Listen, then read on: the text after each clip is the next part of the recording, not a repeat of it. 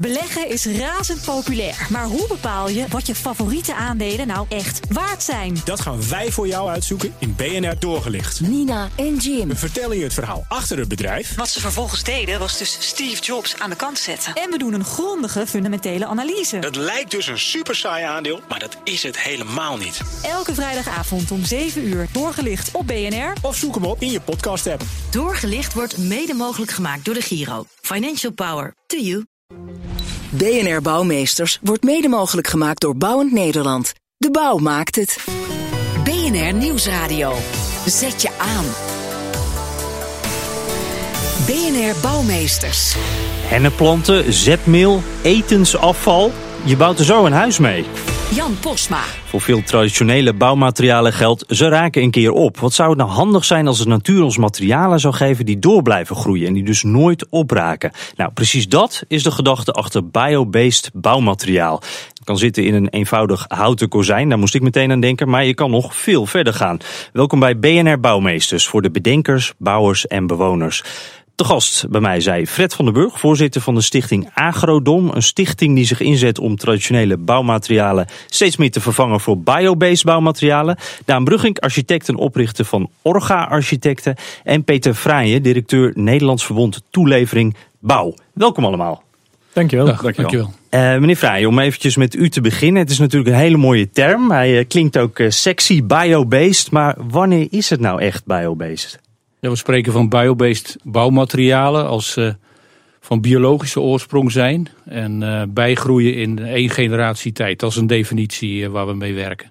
Dus uh, dan zou ik zeggen een boom lijkt me biobased. Ja, dat is een goed voorbeeld. De boom, schelpen, vlas, hennep, dat soort materialen. Dus alles ja. wat in één generatie kan door... bijgroeien. Bijgroeien, ja. inderdaad. Ja. ja. Meneer Van den Burg, moet het dan ook 100% natuurlijk zijn om biobased te kunnen zijn?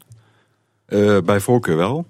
En het moet altijd van levend materiaal zijn. Levend materiaal. Dus het moet geleefd hebben. Het moet geleefd we... hebben, precies. Ja, ja en u ja. zegt uh, bij voorkeur wel. Dus waar ligt dan die grens? Mag het bijvoorbeeld ook 95, of mag het zelfs misschien helemaal niet uh, milieuvriendelijk zijn en toch biobased?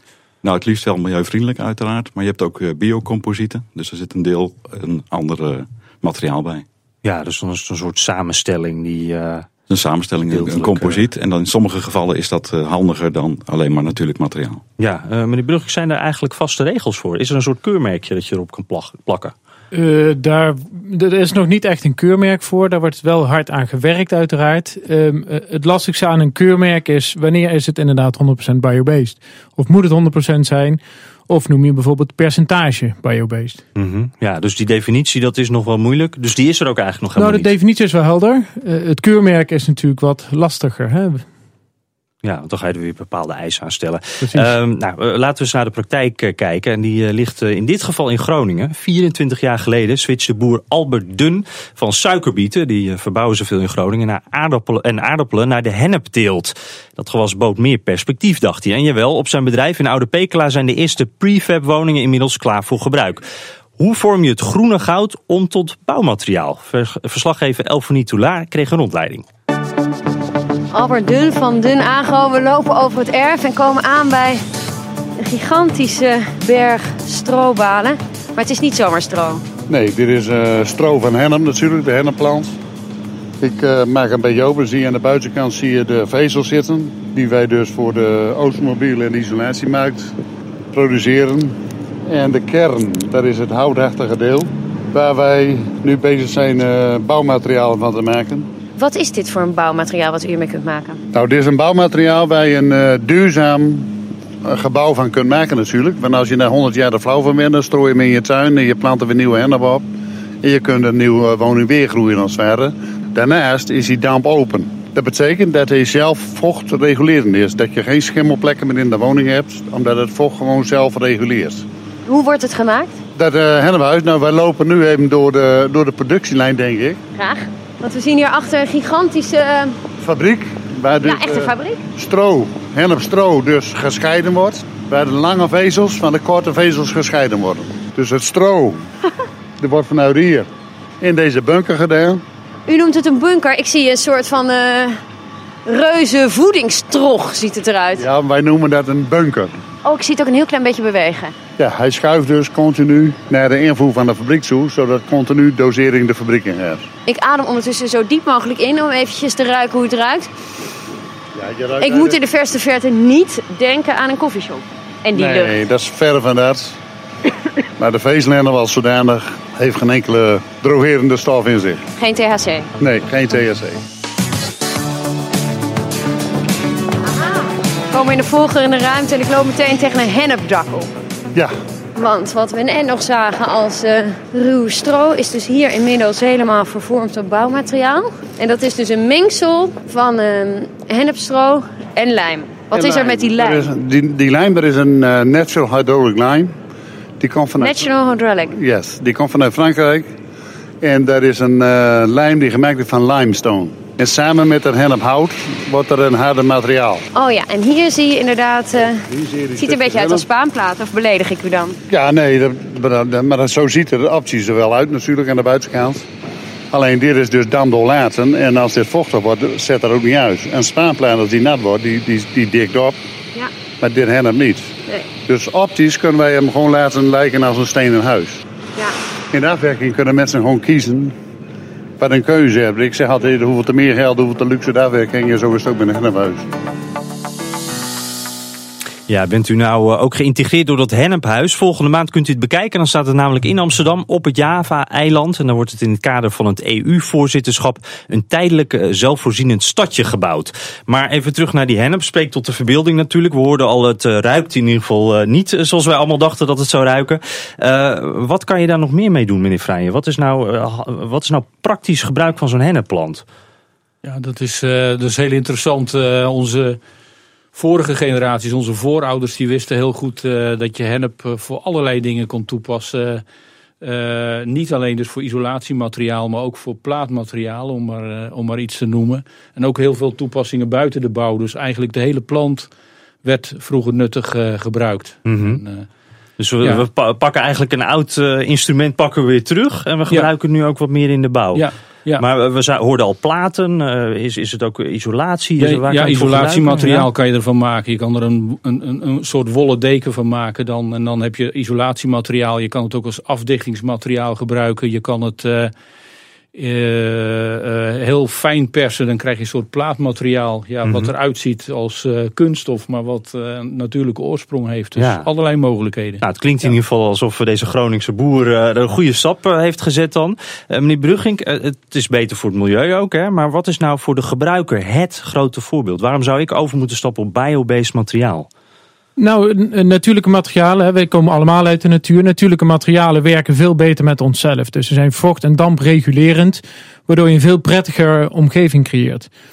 Ehm, en dat heeft natuurlijk uiteraard grote voordelen in woningen, maar ook zeker in utiliteitsbouw. Ja, want als we het nou echt over de, de grote kantoorgebouwen hebben, eh, moeten die dan ook biobased zijn? Hoe ziet dat er dan uit? Of wat Nou ja, voor dat- gevolgen heeft dat? Laten we dat... Nou, eh, kijk, de, de 90% van eh, de, de operationele kosten van een, een kantoor zijn, is bijvoorbeeld personeel. Op het moment dat je dus een gezonder kantoor maakt, waar biobased materialen een onderdeel van zijn, dan heb je productiever personeel, ze zijn minder ziek. Hè, en en, en, en daar, daar win je eigenlijk meer kosten mee dan puur energiebesparing. Ja, u zegt dat dat eh, kantoorklimaat, dat kan je een stuk verbeteren eigenlijk door biobased materiaal. te- Wat voor materiaal moet je dan gebruiken? Ehm, nou ja, kijk, na- na- natuurlijke materialen in het algemeen hebben de eigenschap dus ehm, de vocht en warmte te reguleren. Waardoor je veel de toppen en de dalen eraf haalt die je dus niet met installaties moet aanpakken. Dat is een groot voordeel. Ehm, als ik nog even in mag haken op het soort materiaal, is ook een heel interessant als je kijkt naar agrarisch restmateriaal. Er is een heel mooi voorbeeld van een auberginekweker die, waarbij de aubergine dus voedsel is, dus niet concurreert met voedsel. En waarbij de plant eh, wordt geperst, net als versteend hout, met, met bepaalde mineralen. En dat kan je toepassen als een gevel, als buitenbekleding of, of binnen. Dat is natuurlijk ook heel interessant. Eh, Dus eigenlijk leer je daardoor van de natuur. De natuur die heeft het ons, vertelt het ons allemaal. Dus we hoeven alleen maar te kijken en dat zo toe te passen. Ja, ja, eh, meneer Van den Burg, het zit dus ook echt een beetje in die recyclinghoeken. Hè? Daar, daar laten we ook nog dingen liggen, daar kunnen nog veel kansen grijpen. Ja, er zijn heel veel eh, reststromen. Met name uit de agrarische sector. Waar je gewoon nog veel eh, materialen van kan maken. En, en nu, nu wordt, eh, wat noemde u nu, de aubergine, geloof ik? Aubergine plant, hè? Aubergine is voedsel. Ja. Ja, je kan ook denken aan, eh, aan, meer? eh, aan stroplaten, Ja. eh tomatenloofplaten, eh, eigenlijk allerlei plantaardige vezels kan je gewoon hergebruiken in plaatmateriaal of andere composieten. Ja, en dat zijn ook juist allemaal materialen die natuurlijk veel in Nederland eh, worden verbouwd. Ja, ja dat, je kan dus heel goed met lokale materialen uit de voeten. Dus wat dat betreft eh biedt het Nederland heel veel een- kansen. Nederland heeft een goede chemische sector en een goede infrastructuur en de poort van Europa. Dus daar liggen voor Nederland hele grote kansen. Ja, dat is duidelijk. Eh, de voordelen zijn duidelijk. Eh, ook alle voorwaarden voor succes zijn er. Eh, maar wat kost het eigenlijk? Dat hoort u zo na de reclame. BNR Nieuwsradio. Zet je aan. BNR Bouwmeesters. Met biobased bouwmaterialen kun je al heel veel, maar het wordt nog niet op grote schaal ingezet. Hoe kan dat? Daarover praat ik verder met mijn gasten. Fred van den Burg, voorzitter van de stichting Agrodoom. Eh, die zetten zich in om eh, juist die traditionele bouwmaterialen te vervangen door biobased bouwmaterialen. Daan Brugink, architect en oprichter van Orga Architecten. En Peter Vrijen, directeur Nederlands Verbond Toelevering Bouw. Eh, meneer van den Burg, om even met u te beginnen. Die biobased markt in Nederland, hè? Hoe, hoe ziet dat er nu uit? Hoe groot of hoe klein is dat op dit moment? Nou, op dit moment is die markt heel klein, eigenlijk nog. Ten opzichte, het is echt een niche-markt eigenlijk. Ten opzichte van de traditionele bouwmaterialen. Terwijl we net eh, in het vorige blok heel duidelijk eh, hebben gehoord wat de voordelen zijn. Hoe kan het dan dat het nog steeds een, een, een kleine niche-markt is? Ja, dat heeft te maken met eh, de grote stromen van beschikbaarheid van traditionele bouwmaterialen. En ook de kennis bij de bouwers. Dus het is zit ook gewoon- vooral in de, in de staal, beton en kunststoffen. Ja, en, en dan is het eigenlijk heel ja. makkelijk om op die, die bekende methodes terug te vallen. En dan eh, valt dit een beetje weg, dat biobased. Ja, ja, dat is heel duidelijk. Ook te zien in het onderwijs. En je ziet in het onderwijs ook dat traditionele bouwmaterialen veel meer aandacht krijgen dan eh, natuurlijke bouwmaterialen. Eh, meneer Fraaien, hoe, hoe is dat eigenlijk in het buitenland? In het buitenland, eh, Nederland heeft, eh, want ik zou zeggen, Nederland heeft een andere bouwtraditie. Hè. Wij bouwen veel met eh, beton en met steen. En, en in het buitenland, veel buitenlanden bouwt men meer met houtskeletbouw en staalskeletbouw. Nou, reken maar uit, als je houtskeletbouw bouwt, dan heb je al een groot aandeel biobased. Ja. En dat zie je nu, zie je dat toch beperkt tot een aantal aanbieders. En, en wel in het particuliere segment. Dus vaak mensen die zelf of een eigen opdracht geven, particuliere bouwers, die, eh, die kiezen wel eh, regelmatig voor houtskeletbouw. En hoe kan het dan dat die juist daar wel voor kiezen? Zij zien ook de voorbe- zij zijn niet zo bezig met biobased, maar ze zijn bezig met bijvoorbeeld een snelle bouwmethode, eh, lichte materialen. Gewoon Eh, praktisch niet- eigenlijk. Ja, heel praktisch. Ja. Ja. Meneer Brugging, eh, ik hoor net ook al, eh, het heeft ook met het onderwijs bijvoorbeeld te maken. Hoe ver, verre mensen er ook bekend mee zijn met dit, deze manier van bouwen. Eh, is dat ook de grootste drempel? Ehm, eh, onbekendheid is een grote drempel. Eh, bouwen is natuurlijk ook risico en garanties. En daar zie ik, hè, de, de, bouw is conservatief, daar komt dat vandaan. Daar zie ik ook altijd heel veel belemmeringen. Ehm, eh, ik- ik zeg altijd, het komt uit de niche. Hè. Ik zie het uit de niche, maar ik ben natuurlijk wat gekleurd, want mensen komen echt specifiek ook bij ons daarvoor. En ik zie echt een verandering dat mensen zelf steeds meer inspraak willen in wat voor gebouw ze krijgen en hoe ze daar wonen en hoe gezond het is. En daar zie ik dan de vraag stijgen. En, en ehm, de crisis eh, die helpt daarbij. Hè, de, de stimuleert innovaties. Hè, dus ook de grote bouwers ze zullen daarin mee moeten. En, en, dus ik zie wel degelijk een groei en ontwikkeling. En eh, u zegt, eh, ik word er al naar gevraagd. Is dat dan echt de consument die ernaar vraagt? Of, of zijn dat grotere... eh, Het is in eerste instantie, zou ik zeggen, inderdaad bottom-up consument die, die, die het eerste vraagt. En dat zijn niet zozeer particulieren, maar bijvoorbeeld ook een, een tandarts, een ondernemer die zegt, nou, ik wil een gezond gebouw voor mijn patiënten. Ehm, daarin zie ik ook echt wel een ontwikkeling ontstaan. Ja, en hoe zit het dan met de prijs? Want mijn eerste reflex is toch, eh, het is beter voor het milieu, eh, het klinkt innovatief, het, het staat misschien nog wat in de, in de kinderschoenen, in ieder geval in hoeveel het wordt toegepast. Dan denk ik, het zal ook wel wat duurder zijn. Ehm, het eh, d- hoeft niet altijd. Isolatiematerialen bijvoorbeeld zie ik allemaal al eigenlijk min of meer prijs gelijkwaardig zijn. Ehm, de onbekendheid en de garanties en risico maakt dat het af en toe wat duurder is. Eh, maar ik zeg ook, je- koopt ook echt wel een andere kwaliteit. Eh, je investeert op een andere manier, niet aan het begin, maar je kijkt ook naar de exploitatie, het gebruik en het soort gebouw dat je maakt. En het is ook aangetoond dat eh, ecologische gebouwen van, van biobased materialen onder andere ook gewoon meer waard zijn. In deze Hoe, tijd. eh, qua verkoop bedoelt u? Of de verkoopwaarde is In de toekomst gezien eh, zijn ze gewoon meer. Maar daar is meer interesse naar. Ik sprak een makelaar die zei: eh, Ik zei dus, ik ken geen duurzame makelaar. Is dat niet interessant? En die zei: Nee, nee, want duurzame woningen komen nooit op de markt. Dus ik, nou, dan is het toch juist interessant. Dat is dan mijn conclusie. Dat, ja, ja, dat biedt dan wel weer mogelijkheden natuurlijk. Uh, meneer Van den Burg, hoe zit dat dan met de bouwwereld? Moet daar misschien ook wat meer geïnvesteerd worden in, in dit biobased bouwen? In de, in de kennisverspreiding ja, in de kennis, in, in het ja. voor openstaan. Ja, we hebben bijvoorbeeld ook de kennisbank biobased bouwen hebben wij opgericht. Waar dus de kennis ook te vinden is over biobased materialen. Mm -hmm. En zo komt het wel langzaam ja, want merkt u vanuit de bouwwereld ook eh, reacties daarop? Ja, wij krijgen steeds meer vragen, ook vanuit de bouwwereld. Ook vanuit architecten, ook grote architectenbureaus. Mhm. Die gewoon zich willen onderscheiden ten opzichte van hun collega natuurlijk. En energie was eerst een punt om te onderscheiden, maar nu gaat het steeds meer naar materialen toe. Dus je ziet eigenlijk dat die belangstelling wel aanwezig is. Oké, meneer Vrijen, ziet u dat ook? Ik zie wel een toenemende belangstelling. Ik denk alleen dat, uh, ja, ik ben uh, in 1998 gepromoveerd op het onderwerp. Toen was het ook een niche-markt. En je zou zeggen, of je zou uh, wensen dat de producenten van biobased materialen ook een aantal stappen zetten. Dus het moet niet ja, biobased materialen alleen vanwege dat feit zijn. Maar je moet ook mee, wil je groter worden in de, ja, in de, in de wereld om ons heen. Dat je laat zien dat je kwaliteit levert, garanties kan leveren. CE-keurmerk hebt bijvoorbeeld voor je mhm. product. En dat je ook aantoont dat je duurzaam bent. Dus ik denk dat dat wel, dat zijn uitdagingen voor nu. En dan, en dan voor nabije toekomst, ja, je moet ook als producent je producten onder de aandacht van de klant zien te krijgen. Dus marketing. Ja. is dat dan met name, want u zegt een CE-keurmerk. Ja. Uh, een keurmerk hebben we eerder al gezegd is sowieso is wat lastig hiervoor, maar dat zou het misschien ja, wel wat duidelijker maken. Dit is een kwaliteitskeurmerk hè, en uh, ja, uh, ook gemotiveerde klanten die willen wel weten dat zij een goede investering doen. Dus ze willen niet geconfronteerd worden met producten die niet goed zijn. Dus ja, je moet je product laten testen. Dat dat wekt vertrouwen bij de klant. Mhm. Als je garanties geeft, ja, dan, uh, dan krijg je meer kans in de markt. Ja, en, en, ja, zo, ja, en op aanvulling daarop kan je ook nog zeggen dat labelingssystemen steeds belangrijker gaan worden. Duurzaamheid aantoonbaar maken.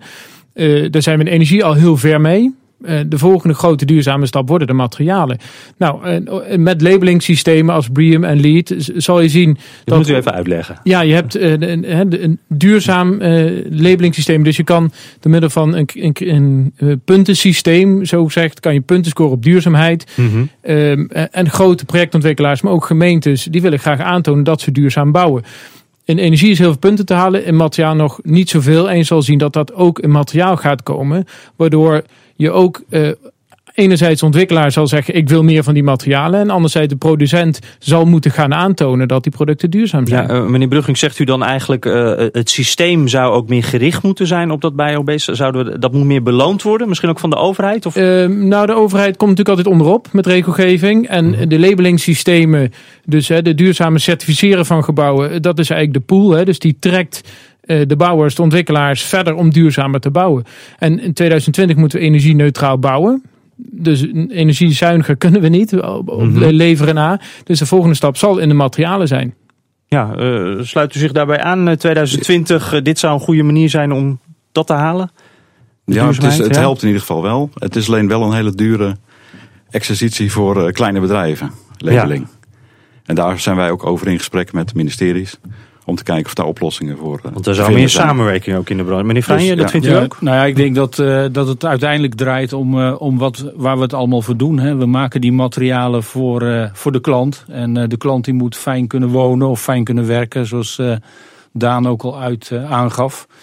En ik denk van ja, die klant die moet ook kunnen kiezen. En dat zou een goede zijn. Dus om, ja, zeg maar, er zijn nu weinig mensen die weten dat de meeste scheidingswandjes bij IKEA, die zijn van een biobased materiaal. Ah. Namelijk uh, vlasspaanplaat. Hè, dus hout en vlas dan samen. Maar het is wel iets waar IKEA bewust voor heeft gekozen, ook vanwege de kwaliteiten.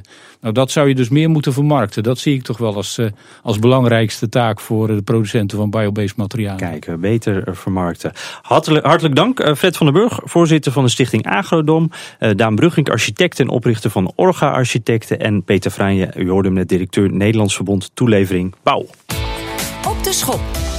Ja, in deze rubriek vragen we een deskundige uit het veld welk gebied of welke plek in Nederland nu echt op de schop moet. Met deze week Donna van Milligen-Bielke.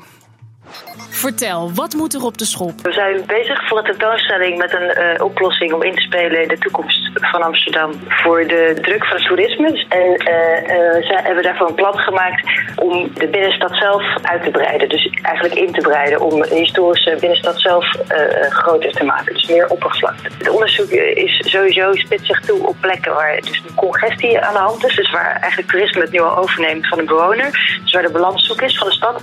En we willen balans herstellen door meer ruimte ook voor bewoners weer te maken.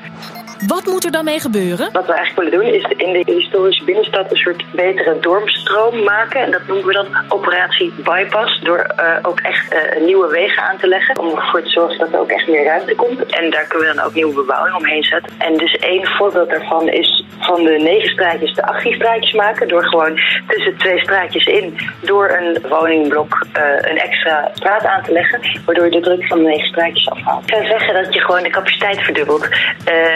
Maar we maken wel extra vloeroppervlak. Dus beneden zouden er allemaal winkels kunnen komen en daarboven uh, nou ja, extra wonen. Om de balans weer te herstellen. Een betere doorstroom in de historische binnenstad van Amsterdam. Maar als ik dat goed hoor, dan gaat het wel ten koste van wat historische panden. Aan de andere kant, dat zou dan ook weer voor minder toeristen kunnen zorgen. Dus dan lost het probleem zich toch nog een beetje op. In ieder geval, dit is een van de ideeën voor de toekomst van Amsterdam. Tentoongesteld uh, op de Volksvlijt 2056. Die is vanaf 12 april te zien in de OBA van Amsterdam. Tot zover deze uitzending van BNR Bouwmeesters. Of bnr.nl slash bouwmeesters is hier helemaal terug te luisteren. En we zitten ook op Twitter. Dus hebt u tips voor ons of een idee over wat er in uw buurt op de schop moet? BNR Bouw of mail uw suggestie naar bouwmeesters.bnr.nl. Dank voor het luisteren. Terugluisteren? Ook dit programma vind je terug in de BNR-app. BNR Bouwmeesters wordt mede mogelijk gemaakt door Bouwend Nederland. De bouw maakt het. Beleggen is razend populair, maar hoe bepaal je wat je favoriete aandelen nou echt waard zijn? Dat gaan wij voor jou uitzoeken in BNR Doorgelicht. Nina en Jim. We vertellen je het verhaal achter het bedrijf. Wat ze vervolgens deden was dus Steve Jobs aan de kant zetten. En we doen een grondige fundamentele analyse. Het lijkt dus een super saai aandeel, maar dat is het helemaal niet. Elke vrijdagavond om 7 uur doorgelicht op BNR. Of zoek hem op in je podcast app. Doorgelicht wordt mede mogelijk gemaakt door de Giro. Financial Power to you.